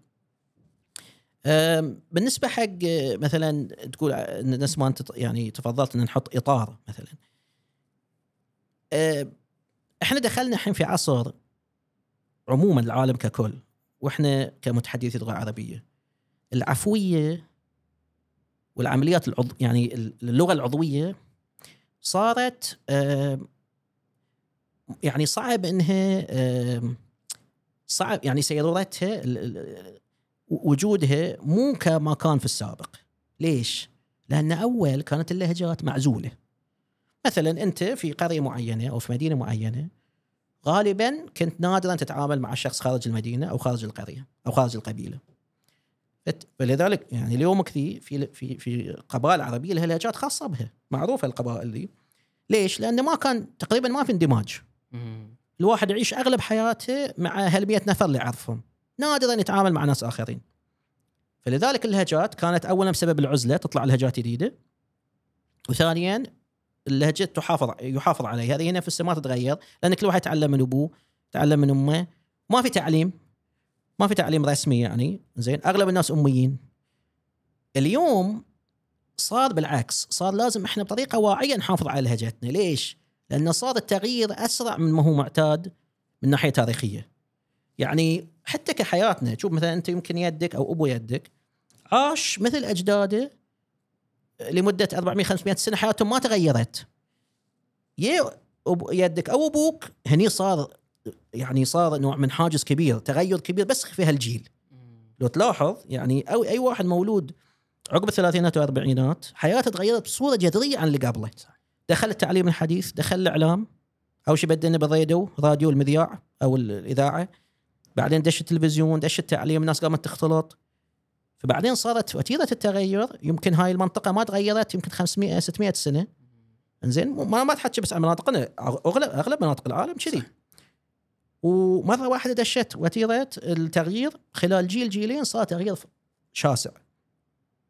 فهاي طبعا أثر على اللغة اللغة مو استثناء.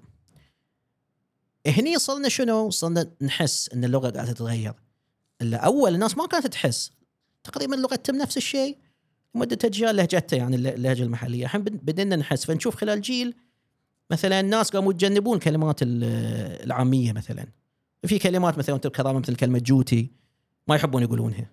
ناس مثلا يعني إحنا نقول متمدنين يقول لك شوز. أنا أحس فيه تكلف صراحة. فصرنا بالعكس صرنا بطريقة واعية نحاول نحافظ على كلماتنا. يعني أنا لما نتكلم مع بناتي مثلا أتعمد استخدام اللهجة الكلمات البحرينية الأصيلة. ليش؟ لأن أنا أصلا بعد كثير منها ما وصلت لي. كثير من التعابير الموجودة في في البحرين سابقا ما وصلت لي. ما يعني ما لحقت أتعلمهم كلهم من يدي أو يدتي. وهم اوريدي بعد تأثروا بال يعني بالتعليم والبيئة والمحيط. ففي كلمات ما كانوا يقولونها كانوا يتجنبونها. فأنا ما بيصير عملية تسطيح ما بدنا اللهجة تنمحي. وفي بعض ال... بعض يعني الدول الحمد لله محافظين على لهجتهم عندهم اعتزاز فيها من إحنا البحرين نحب لهجتنا وايد. أنتم بعد في الكويت ما شاء الله تشوف وايد في يعني ارتباط باللهجة يعني معروفة التعابير الكويتية. من جايين أهل حزة من هاي الأمور. إحنا كذلك الحمد لله كبحرينيين نحب نحب لهجاتنا. مثل ما قلت لك هاي كلها في جانب ثراء ثقافي جانب انتماء. عرفت شلون؟ جانب لهجتك الأصلية يعني مثل مثل اللبس اللي يناسبك. مثل بيتك. عرفت شلون؟ مثل الناس اللي ترتاح وياهم. تعبر عن نفسك بها في حالات الغضب صعب تستخدم لغة غيره ما تشوف في وايد ناس مثلا سنين هو ساكن مثلا في الغير بيتحكي إنجليزي بس لين لين طنقر أو زعل يقوم يرجع على لغته الأصلية. صح. ان في الأخير هاي هي اللهجة اللي تعلمتها منذ نعومة اظفارك يعني. فشيء طبيعي إنه إذا فقدت شيء مو حلو يعني. عساك على القوة دكتور. الله يقويك. ما قصرت. جزاك الله خير. حبيبي. الله يسلمك إن شاء الله.